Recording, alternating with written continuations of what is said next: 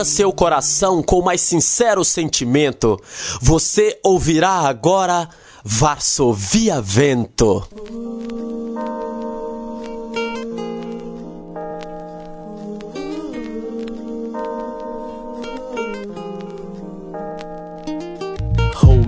Cor. El mi am brustodut ne saltu for já de novo me vou vola senti la careço sunt del manoșia promenante a meme sul corpo mia. Giui cune alle foglie, la dolce musichezzo della vivo.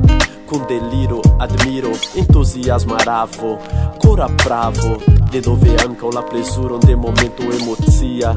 La tutan senton poesia De nove canti, de nove joy, de nove ridi, shin ami. Ver che verso in al sci, cai al sci, ilin declami. Audi cune concerto de e sub belo del cielo.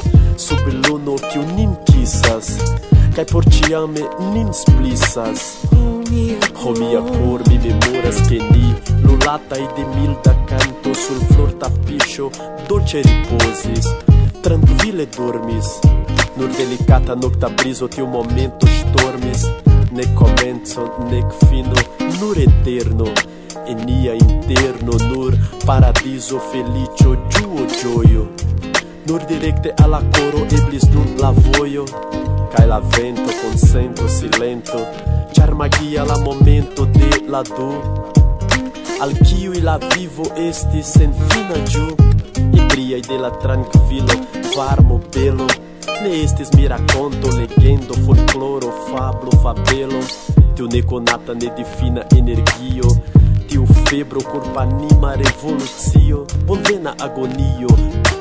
Ho oh, mia cor. El mia brusto nun ne salto for. Ne bato mia cor mal tranquille. Iam peni min ne povas mi facile Ho oh, mia cor. El mia brusto nun ne salto for. Ne bato mia cor mal tranquille. Iam teni min ne povas mi facile Ho oh, mia cor. Si restas tiel viva plena en mia memoro. Si La matena crepusco la auroro. Si Vecanta tiu momente viv plezuron? Che mi ne agus malfidele al tiu amo Per Dio mi faris juron. Oh bela nimfo linda kaj brillanta estulin Kiu per la charma rideto Yes, sortis min. Si tiam gaie loga plaĉa aspekta pimpa. Que vaza o venintus el monto Olimpa Plena de vivezzo brilla grandiosa rava Impona maiesta supernatura Sen lime grava. Ciu venera Cio pova supera.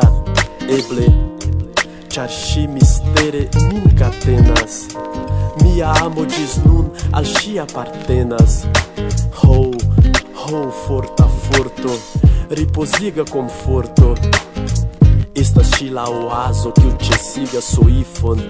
Estas si que o donas al vivo signifon. Si completa com forma precisa e giusta Rifugio cae consolo por la flamo brusta.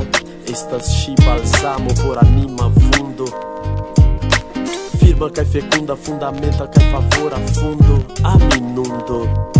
Estas si prin tempo kiu en la giusta tempo portas floron igas for doloron. Ho mia cor. El mia brusto nun ne salto for. Ne pato mia cor mal tranquile Iam teni min ne povas mi facile Ho mia cor. El mia brusto nun ne salto for. Ne pato mia cor mal tranquile Iam teni min ne povas mi facile Ho mia cor Ho mia cor. Ne salto e la brusto antaŭol revidi ŝin Mi petegas kompateme donu min lastan ŝancon, lastan dancon Ĉu perdita jam la paradizo? Ĉu mia amo, mia sento, mia varmo sentimento jam trafita de la paralizo? Ĉu la espero estas nun for? Ĉu restas sole deserto, deliro, deziro ĉe l' cor? Ne plu vin botelo Ne plu am promesoi sub helo del stelo.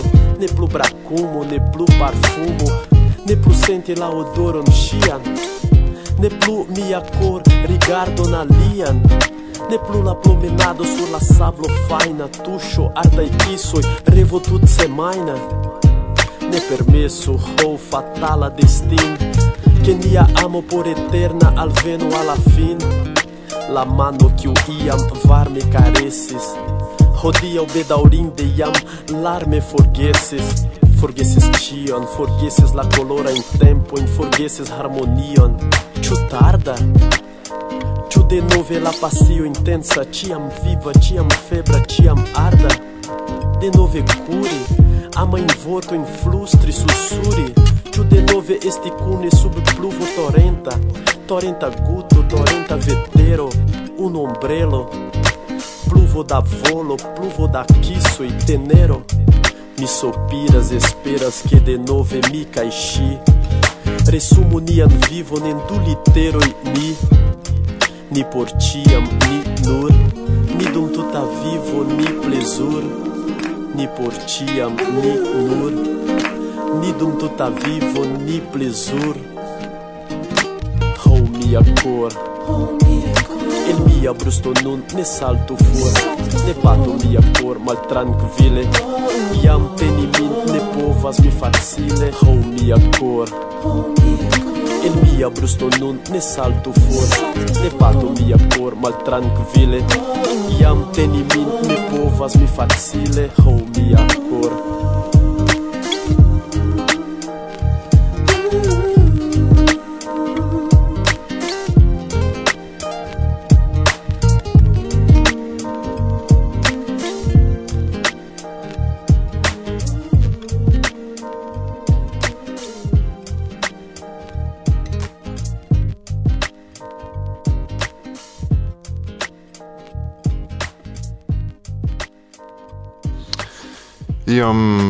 Longa ultima conduco musica. Longa sed bella.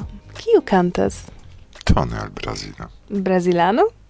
Tute mine audis la brazilan accenton.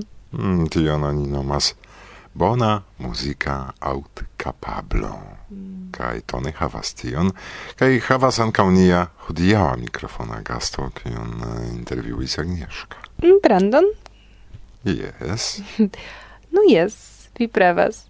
mi auscultis kai se mi ne scius ke li estas usonano mi ne divenus el kiu lando li estas. Non el Portugalia. na pro tio tiel klare li prononcas ro. Ankaŭ ni gin clare prononcas. Sed la poloj pro la pola nature moligas konsonantojn. Nia via lia. Nia. Ne, ni, ni. Ne gravas. Gravas, ke spite al iu ein accento tamen eblas efike interkompreniĝi, ĉu? eĉ post kelkaj bieroj. Tiam eĉ pli facilas. Kaj imagu kiel facilas post kelkaj boteloj de brando. Ah, jes, jes.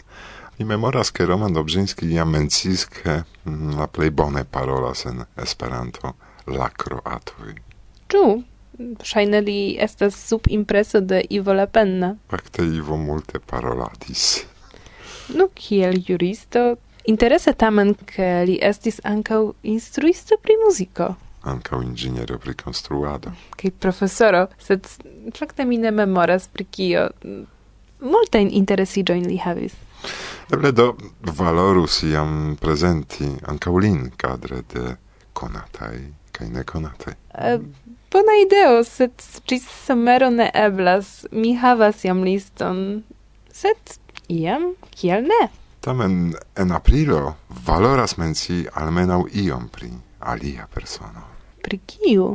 Pri Ludovico. Aha, fakte, la morto da Treveno. Interese ĉu multaj esperantistoj memoras daton de lia morto. A mi memoras. La dec... Lasu auscultanto in mem malcovi la daton, uh, se ili forgesis. Bone, tio sekvas post kelkaj tagoj. Helpo. se homoj mem malkovras ion, tiam pli bone memoras. Sub kondiĉo kaj ili ne scias. Kaj mi pensas, ke multaj scias, kiam Ludoviko naskiĝis kaj kiam mortis, kaj kie. Do eble simile kiel en la pasinta de denove ni renkontiĝu ĉe lia tombo monumento. Kaj poste kune al la plej proksima restoracio por babili. Laŭ deziro de Ludoviko. Ĝuste.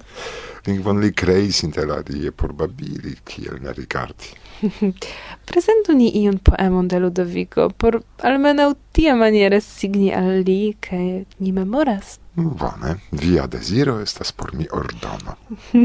Kai kai kion nova pri viaj informaj renkontiĝoj en kulturdamoj? Eh, nio. Morgaŭ la sekva. Eble valorus iom rakonti al la esperantistoj. Ĉiam vi ripetas, ke plej gravas ekzemplo, ĉu? Ne estas pri kio rakonti fakte. Ja, temas pri la kutima agado. Informi, informi, informi kaj multaj faras tion. No jes, tamen morgaŭ vi estas en unu kulturdomo, venont semaine en la alia, multe da homoi venas al tiui rencontigioi? Laste aperis kvar.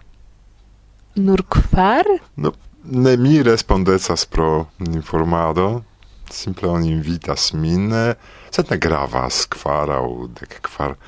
Estis agrable sidi kun la aliei ce tablo, sen iu brila komputila prezentado kun paperfolio kaj scribilo kafumante, respondante al demandoi, mi shatas tiun etoson. Ancau mi, kiel en la montero, ĉu? Yes, tie dum ciu vespero kai ciu tage fakte. Sed ne pensu karaj, ke ni atakis homoin tie, sekvis respondoj nur tiam, kiam homoj alparolis nin pri Esperanto. Speciale vi sidis kun signoro Tadeo por veki demandoin. En kiu lingvo ĝi estas? To tiu lasta eldono fakte havas belan kovrinon. Kaj iu el tiuj kvar el kulturdomo serĉis poste kontakton? A, tute mi ne scias. Fakte Agnieszka interŝanĝis kontaktojn. Kial ne vi? Ĉar ne mi, sed ŝi reprezentas la Polan Esperanto Asocion, eĉ la ĉefan estraron. Mm, klare. Kai se mi bone memoras, vi desiris ion diri pri la belartaj konkursoj de UEA. Yes, sed ebene non post actualaĵoj. Nun mi ŝatus prezenti ankaŭ al vi kanton, kiu plej ekplaĉis al mi dum la lasta canto parato. Ĝi venkis la konkurson? Ne, se tute ne gravas. Hmm, kiu kantas? Duope Flavio kaj Szany, brazilano kun koreanino, kiu mirinde eksentis fakte spiriton de la brazila muziko. Mm, ŝi flugis al Brazilo aŭ li al Koreio? Ambaŭ ili flugis, sed en la reto. Mi ne komprenas. Do same kiel iam supernova ekzercis eh, pere de Skype, ĉar anoj de la grupo loĝas en malproksimaj urboj, ja Brazilo estas iom granda, ĉu?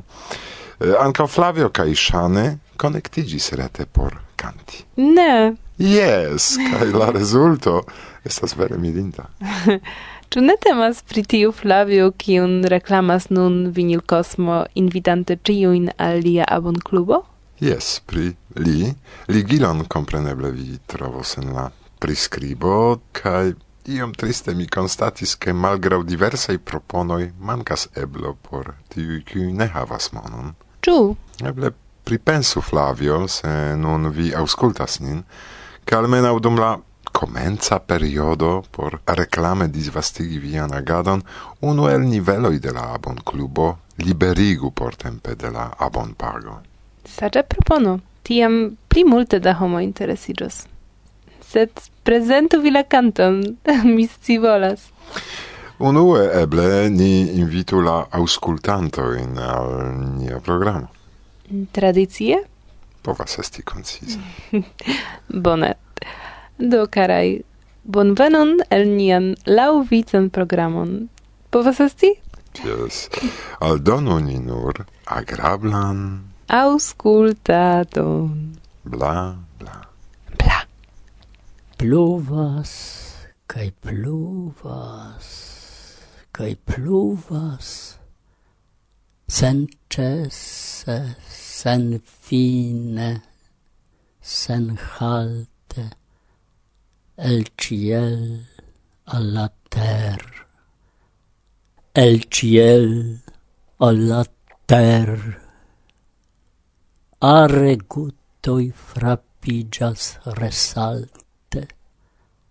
Tra la sonoi del pluvo al mia orelo, murmurado penetras mistera.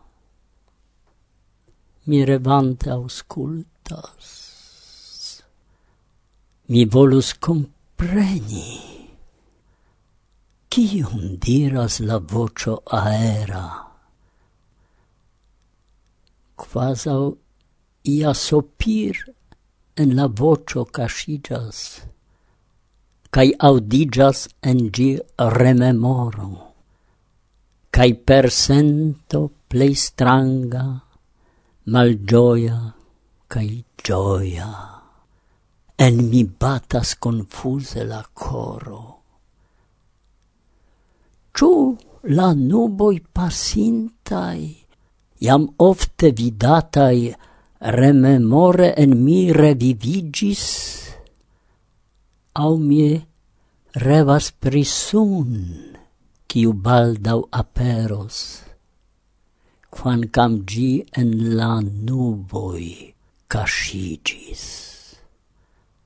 Mi ne volas esplori, la senton misteran, mi nur revas, cae giuas, cae spiras, ion freshan mi sentas, la fresho min logas. Alla fresho! la coro min tira.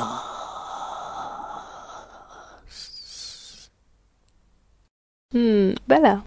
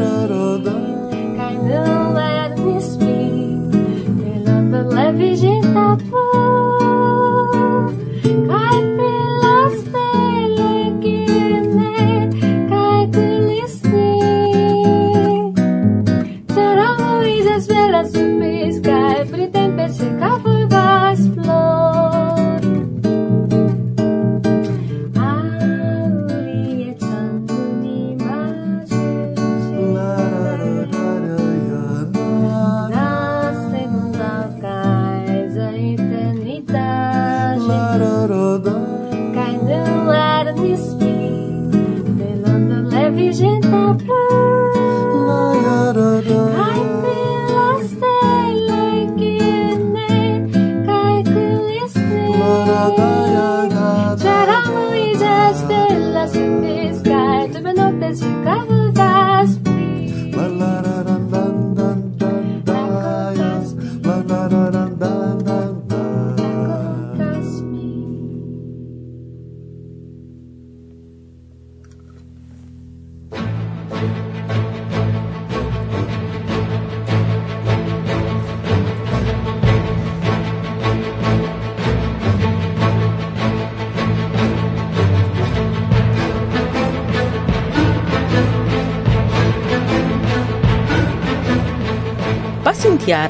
Eksterlanda Kongreso de Esperanto Usona en Montrealo, iniciate de tri nordamerikaj esperantistoj, lanĉiĝis podcasto Usone persone, kiun jam ni prezentis, ĉar ĉiu okazo aŭskulti Esperanton, dum kiam ankoraŭ ni uzas la lingvon surstrate, nur dum la renkontiĝoj kaj kongresoj, estas tre grava kaj valora inspirita je la intereso pri kultura agado usone persone, celas informi kaj interesi pri kuriozaj flankoj de Esperanto kaj Esperantujo, kaj kapti la atenton de spertaj esperantistoj, same kiel utili al progresantoj kaj lernantoj.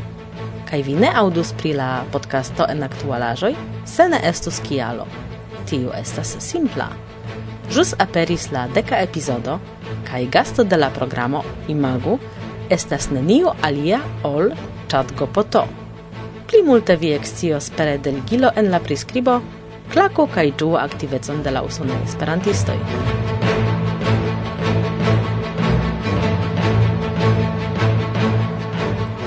Dum la trideka canto parado, en kiu la unuan lokon gajnis canto de sepa kaj asorti kun ŝane lernejaj amikoj, partoprenis kvardek kvar homoj el dek naulandoj, el inter kiuj voĉdonis tridek kvar.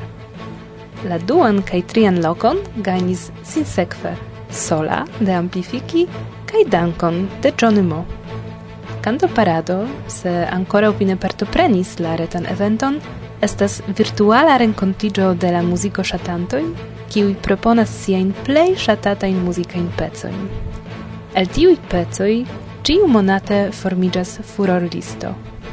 Kai kiel ciam kai cie, etoso de la rencontigio dependas ne nur de la gvidanto, sed ancau de la partoprenantoi. Pere de ligilo, kiu estas en la prescribo, vi trovos filman resumon de la trideca canto parado. Klaku kaj ĝuu la esperantan muzikon. informo, ke nur pere de la angla oni povos lerni Esperanton en la nova versio de Duolingo tristigis multajn esperantistojn, kiuj alkutimiĝis jam proponi tiun servon por la novuloj. Tui doni komencis serĉi alternativon, ĉar kiel oni diras, la vivo ne toleras malplenon en prescribo, ce aktualaĵoj vi trovos du ligiloin al kursoj de Esperanto. En ambau eblas elekti iun nacian lingvon. Valoras rimarki ancau servon de UEA Facila, kie vi trovos multe da articoloi verkitai per la lingvo facila amika dum progresproceso de comenzanto. la retpaĝo uzas nur la plej oftaj vortoj en la lingvo.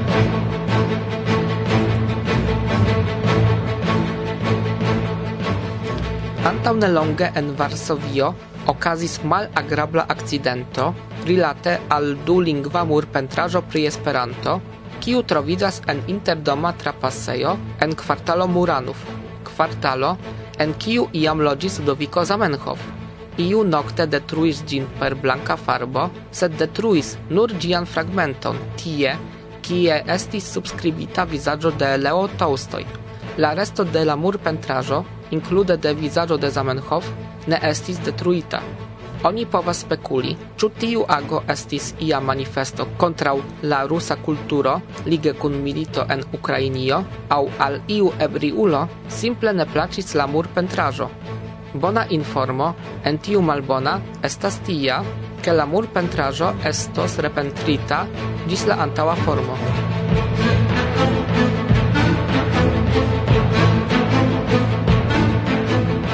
iom reklame, sed kiel ne? Baldau, inter la sesa kaj la oka de majo okazos la Interasocia Kongreso de Esperanto en Liono, Francio. Pro starigita antaŭ nelonga paĝo ankoraŭ ne multe ni eksciis, sed la paĝo rapide evoluas kaj la organizantoj invitas vin per unu klare signifa frazo. Ĝuu buntan programon kaj aliĝu rapide por havi eblecon dormi en malmulte kosta loĝejo, jam rezervita de la lokoko.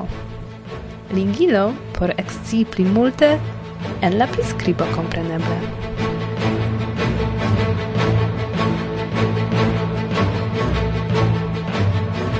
Se pri la Franca Interasocia Kongreso ni menciis, estus strange ne mencii pri la kvardeka kongreso de la polaj esperantistoj, kiu okazos inter la dudeka kaj dudek-tria de julio en Siedlce. Sur la paĝo de la Pola Esperanto Asocio estas ankoraŭ la provizora programo de la evento, sed aperis jam aliĝilo kaj necesaj informoj por tiuj, kiuj dezirus pasi la tempon en Pollando. Nin excitigis programero nome Vespera rencontigio en la congresa tranocteo sonas bone. Klaku al la ligilo por ekscii pli multe. Multaj verkistoj kontribuis kaj konstante kontribuas al la Esperanta kulturo.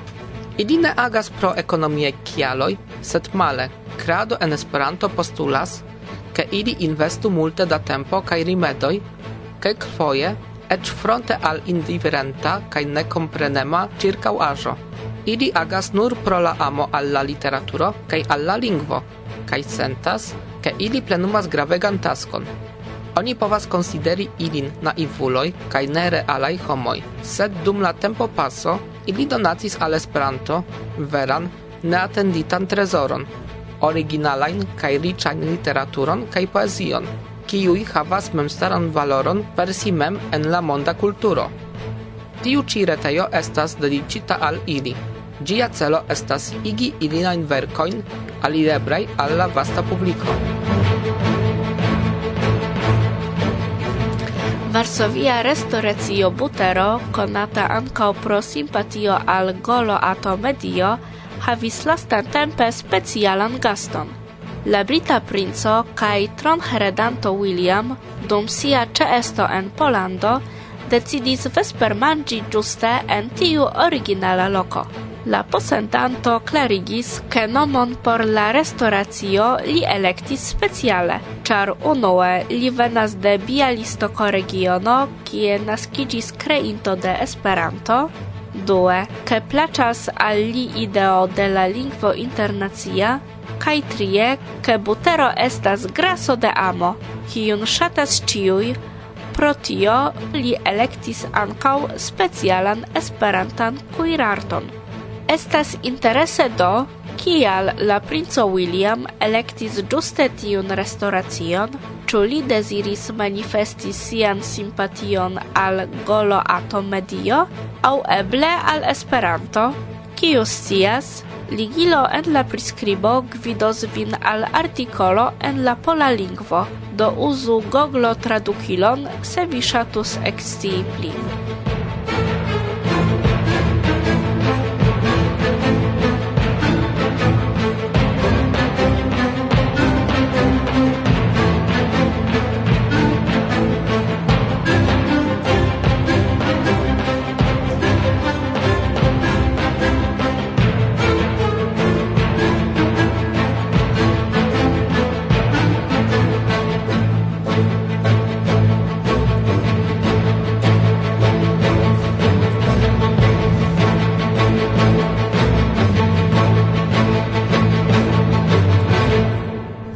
aktualaĵojn prezentis Agnieszka, Kamil, Marysia kaj mi, Gosia. Varsovia vento, bla bla bla. Yes, eh, kaj nun mallonge pri la belartaj konkursoj de OEA. Unue mi pensis ke iu el la teamo de nia redakcio prezentu tiun informon en aktualaĵoj, sed ne, ne. Ĝi meritas apartan priparolon, ĉar supposeble ĉiuj vi scias, ke sen literaturo la homa vivo estus pala, se ne malplena. Instruo, divido de sentoi dolcia au amara mondo de pripensoi aventuro, unu vorte cio cio rilatas nin, nian culturon civilizon, casigas inter vortoi de poemoi, eseoi, noveloi, racontoi, romanoi, ne nur pri romano, cae ec canto textoi tiu laboro, se mi ne diru donaco de la verkistoj al ni, ne nur plezurigas nian vivon, sed multfoje ankaŭ helpas ion rimarki aŭ pripensi.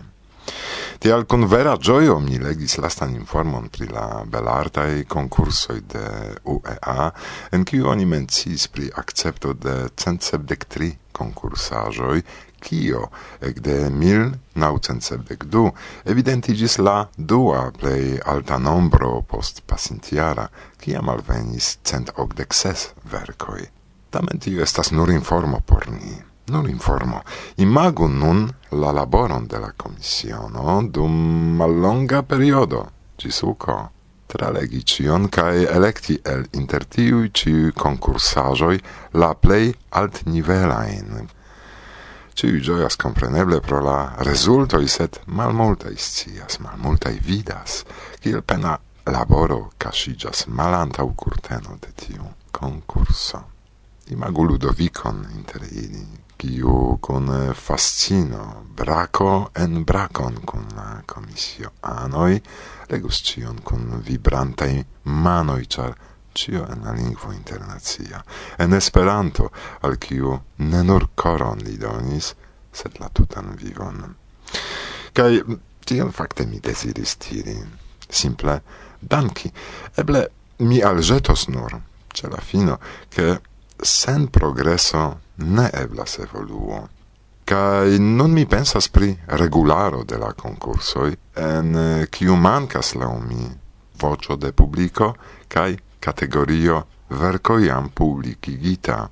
Yes, eble technica problemo, ne cion ja vi capablos legi, sed vi rilatas con multai kiuj amas kiel vi literaturon, ĉu? Ciam oni povas esplori, demandi. Carai, imagu cantiston, kies canto igis tre populara, set UEA tion tute ne rimarcas, au verkiston, kies libron non legas quasau unu spire, tamen nec unu danco venas de la plei granda esperantista organizo, quiu ne unu foie substrecis, che penas esti representanto de ciui ni parolantai en Esperanto, au imago grupon de geunuloi, qui dum la ioko pasintiare presentis brave musicalon iune kaj cune. Multe da laboro, vercado, kunordigado en mojose taso de flamo kai gioio, set lau mi ancau al ili necessus, almeno danki, quancam io alia por ili estis grava ol partoprena en la bel artai concursoi de UEA. Danki ec modeste, per subscribita exemple de la commissiono diplomo. Ja ankaŭ ili decidis kontribui evoluon de nia kulturo kaj multe dediĉis sin al realigo de tiu tasko ĉu nu rimarko ja lau publikigita jam multaj jaroj antaŭe teksto de la slovaka grupo TIM, ĉiuj el ni sur la sama ŝipo. Dankon do, grandan dankon al vi, cara commissiono, pro via sindedicia laboro antaŭ la kurteno de la bel artai concursoi. Vi oni ne premio, set danki pro via laboro.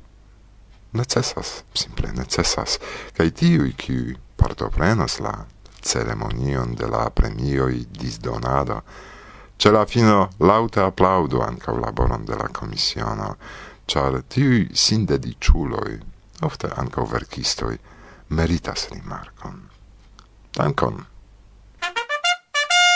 Reclamo. Ciu anco vi volas esti informita pri la mondaj novajoi en flua actuale Esperanto? Kai legi rapportoin pri politico, pri scienzo, ekonomio, kulturo kai multe pli? Do petu prov exempleron. La kontaktadreson de Monato vi trovos en la prescribo. Yes, lots of the avento. Blah, blah, blah.